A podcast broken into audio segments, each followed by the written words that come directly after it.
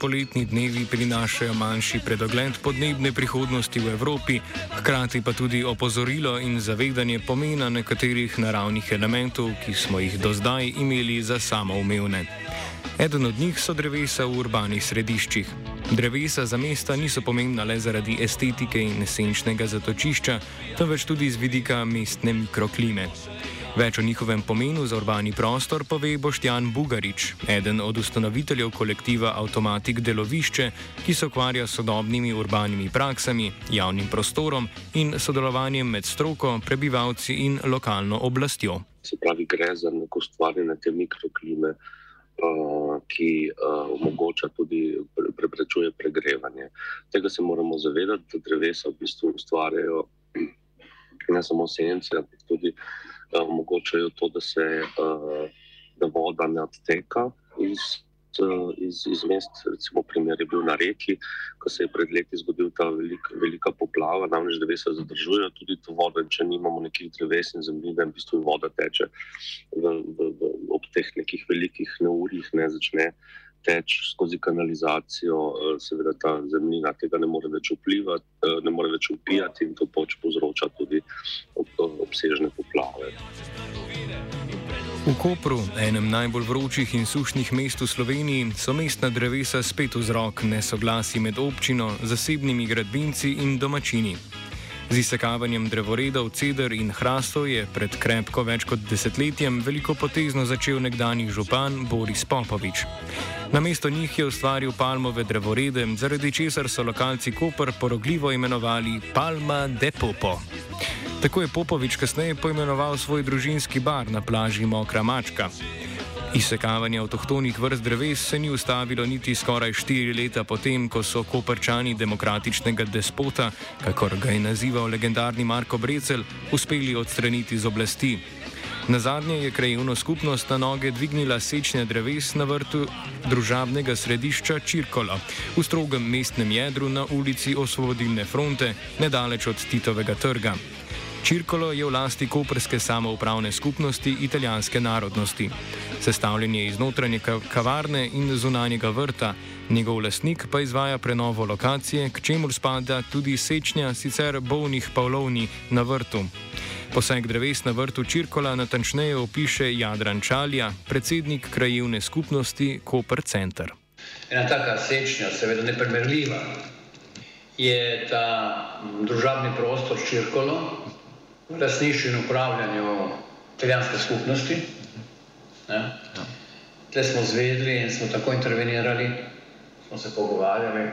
Je pa res, da tle so oni imeli te načrte, da bodo ta vrt preuredili že dosti časa prej. Ne?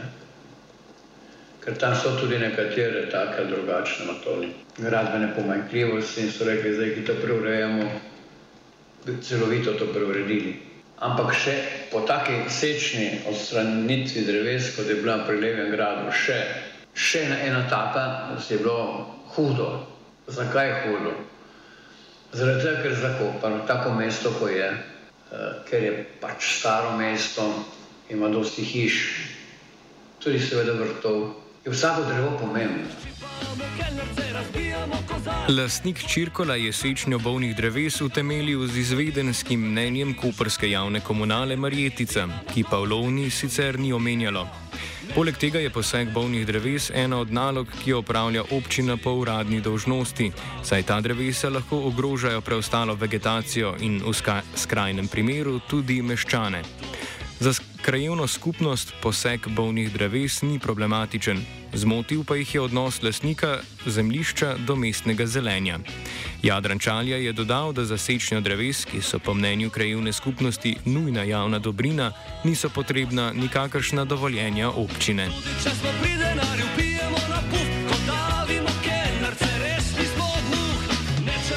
Glede na vse poseke dreves v Kopru je zadnji v Čirkolu zgolj kaplja v morje.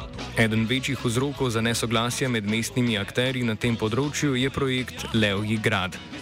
To je načrtovana sedemnadstropna stanovanska stavba tik pred Mudo, starimi vrati mestnega jedra na območju zdajšnjega parka in parkirišča nasproti stavbe Banka Intesa San Paulo. Projekt Levji grad traja že od leta 2003. Medtem se je zamenjalo več investitorjev. Trenutni investitor, podjetje Grafist, ki je v lasti Anteja Guberca, pa je parcelo odkupil od družbe IP Obala pred skoraj štirimi leti. S tem je prevzel tudi takrat že obstoječe projekten, projektne načrte. Guberac je poleg gradbenih podvigov v Kopru znan kot predsednik nogometnega kluba FC Koper, ki domače tekme igra na Bonifiki, le nekaj sto metrov od načrtovane lokacije Levjega gradu. Antejo sin Ivica Guberac, ki se je na koncu minule sezone čustveno poslovil od profesionalnega igranja nogometa, si je nedavno omislil novega Lamborghinija. Grafistove posege v mestno zelenje opiše Boštjan Bugarič. Potem se je zgodil poseg na območju Levega gradu, torej na sprotni strani banke Koper, na tem velikem prekrišču, kjer se je posekal nekaj deset do deset starih cipres, smrek uh, in tako naprej. Več kot 50 let starih, tam je bil pač en manjši park. Zdaj od tega je samo še polovica, vendar se v bistvu investitor uh, nekako najprej nagiba k temu, da bo tudi ta drevesa v drugi fazi se nekako odstranila, čeprav on zagotavlja, da bo na to mesto pozadil nova, enako velika drevesa. In to spet predvsem problematično z vidika časovnega vidika. Ker če pogledamo celo to mestno obrobje, so to zdaj znotraj teh nakupovalnih središč, se zida stanovanske objekte, ki so nekakšni somelci, brez zelenja, ne, z, z 40 stopinjami poletji. Jadran Čalja je pojasnil, da krajevno skupnost pri projektu Levji grad moti višina načrtovanega bloka, ki bo popolnoma zakril pogled na mestno jedro.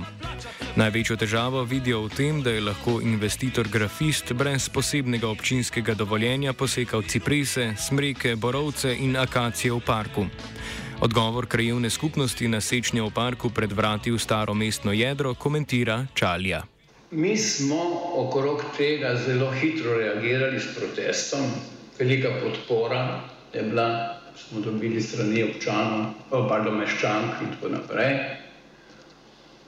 In še nekaj bi rad pri tem rekel, da smo želeli, ker je bilo ravno tiste dneve tudi seja mestnega sveta Koper, da bi se to vrstilo na dnevni red. Se ni uvrstilo. Seveda, mi smo bili malo razočarani, so bile neke razložitve, da se ne da, da z argumentov jaz niti ne bi navajal, ki so za me za tako stvar nepomembni, ne? Bolj zaskrbljujoče in bolj večja indiferentnost se pokaže pri tem, da od 21 prisotnih svetnic in svetnikov, svetnikov ni nihče, dvignil roke, da bi saj rekel dve besedi. Krajevna skupnost grafistov očita, da je Levji grad investitorska arhitektura, katere edini namen je dobiček, če tudi se ob tem zniža kakovost življenja v okolici. Na grafistu odgovarjajo, da so morali očistiti zemljišče in posekati drevesa, saj gre za gradbišče. Poseku daje pravno podlago obstoječe gradbeno dovoljenje, zato je ravnanje grafista pravno neoporečno. Kot so nam pojasnili pri grafistu, bodo zasadili nova drevesa, niso pa vedeli, katera. Dejali so še, da bi morali projekt soditi potem, ko bo dokončan. Ker lokalne prebivalce vznemirja že zdaj, smo z Koperske mestne občine želeli dobiti pojasnila, kako regulirajo sečnjo dreves v neposrednji bližini starega jedra. V imenu občine je o občinski upletenosti v projekte investitorjev za radio študent spregovorila Nina Trampuš, vodja kabineta koperskega župana Aleša Bržana. Občina sicer nima neposrednega vpliva na investicije, ki jih na svojih zemljiščih izvajo zasebniki v skladu z izdanimi gradbenimi dovoljenji. Še zlasti obžalujemo poseg v okviru gradnje objekta Levji grad. Imamo pa tudi v tem primeru zagotovilo investitorja, da bo v okviru naložbe izvedel nove zaseditve in da bo ob zaključku gradnje število dreves na tem območju više, kot je bilo ob njenem začetku. Krajevni skupnosti Koper Center samo zagotovilo grafista, da bo na novo posadil še več dreves, seveda ni dovolj. Občinskemu svetu očitajo pasivnost pri obravnavi mestnega zelenja, saj ni sprejel ustreznih aktov, ki bi omejili prosto sečnjo zasebnikov. Zasaditev novih dreves je tudi časovno problematična. Preden bodo nova drevesa povsem nadomestila posekana, bo namreč preteklo več desetletij. Da je nepremičninske projekte, kot je Levji grad, možno izvajati tako blizu spomeniško zaščitenega mestnega jedra, je omogočila zožitev vplivnega območja kulturnega spomenika zgodovinskega jedra Kopra leta 2007. Na občini na vprašanje o učinku ukinitve vplivnega območja sicer odgovarjajo, da zaradi tega, ker se vplivno območje nanaša le na kulturno dediščino, že pred letom 2007 ni neposredno vplivalo na posege mest v mestno vegetacijo. Boštjan Bugarič pa pojasnjuje, da je odsotnost vplivnega območja omogočila lažji dostop investitorjev, investitorjem in posledično tudi poljubno razpolaganje z drevesi na njihovih parcelah. Ker pa se je vplivno območje okrog mestnega jedra 2007 uh, ukinilo, uh, je cel ta del nevplivnega območja okrog mestnega jedra postalo, uh, bi bilo podvrženo ti neki. Uh, temu nekemu investitorskemu urbanizmu, kjer so.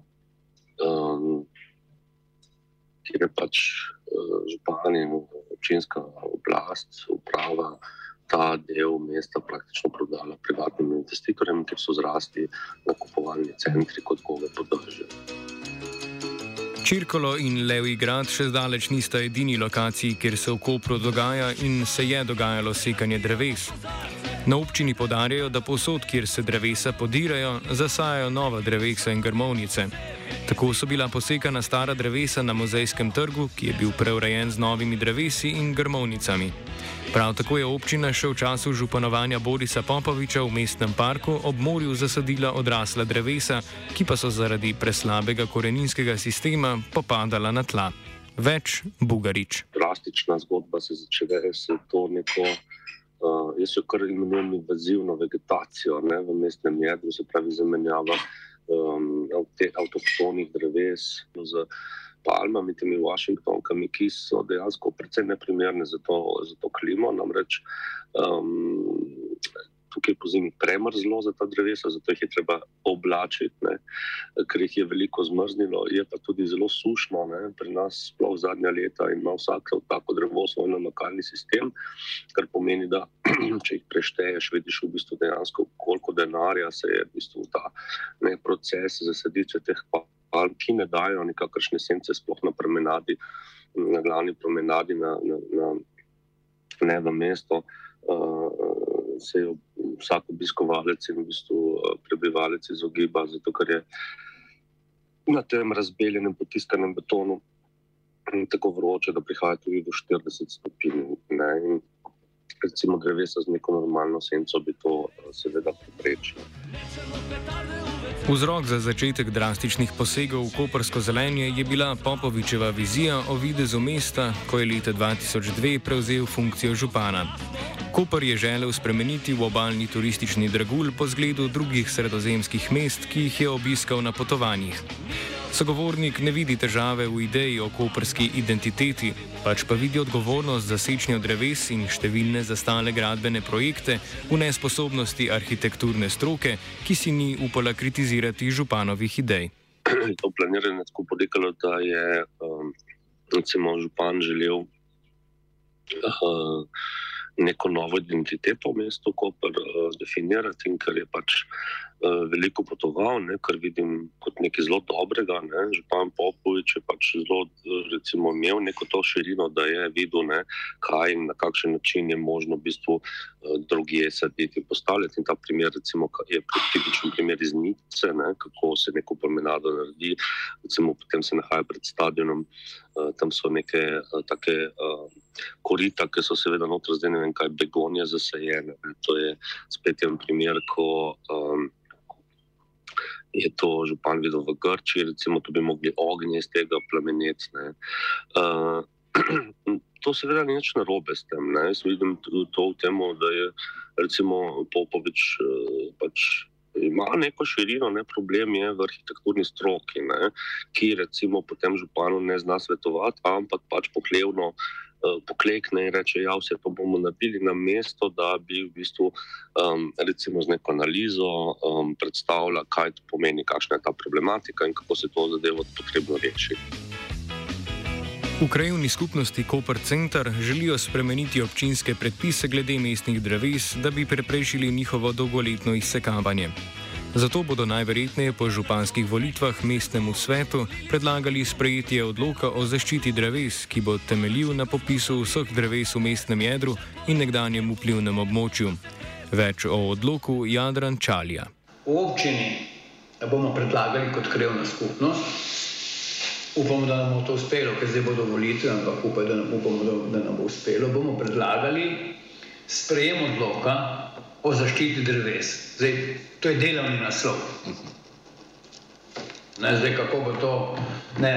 In sicer, da se v določeno skupino dajo drevesa, zaščitijo po nekaterih kriterijih, ki jih mi pač ne poznamo, zaščitena, neko koporsko bogatstvo z, z neko inventarno številko, ne, In če nekdo se hoče na nek način teh dreves lotiti, obvezno mora dobiti neko ali dovoljenje, ali tu, mora tudi računati na to, da to dovoljenje bo tudi verjetno zavrnjeno, ne?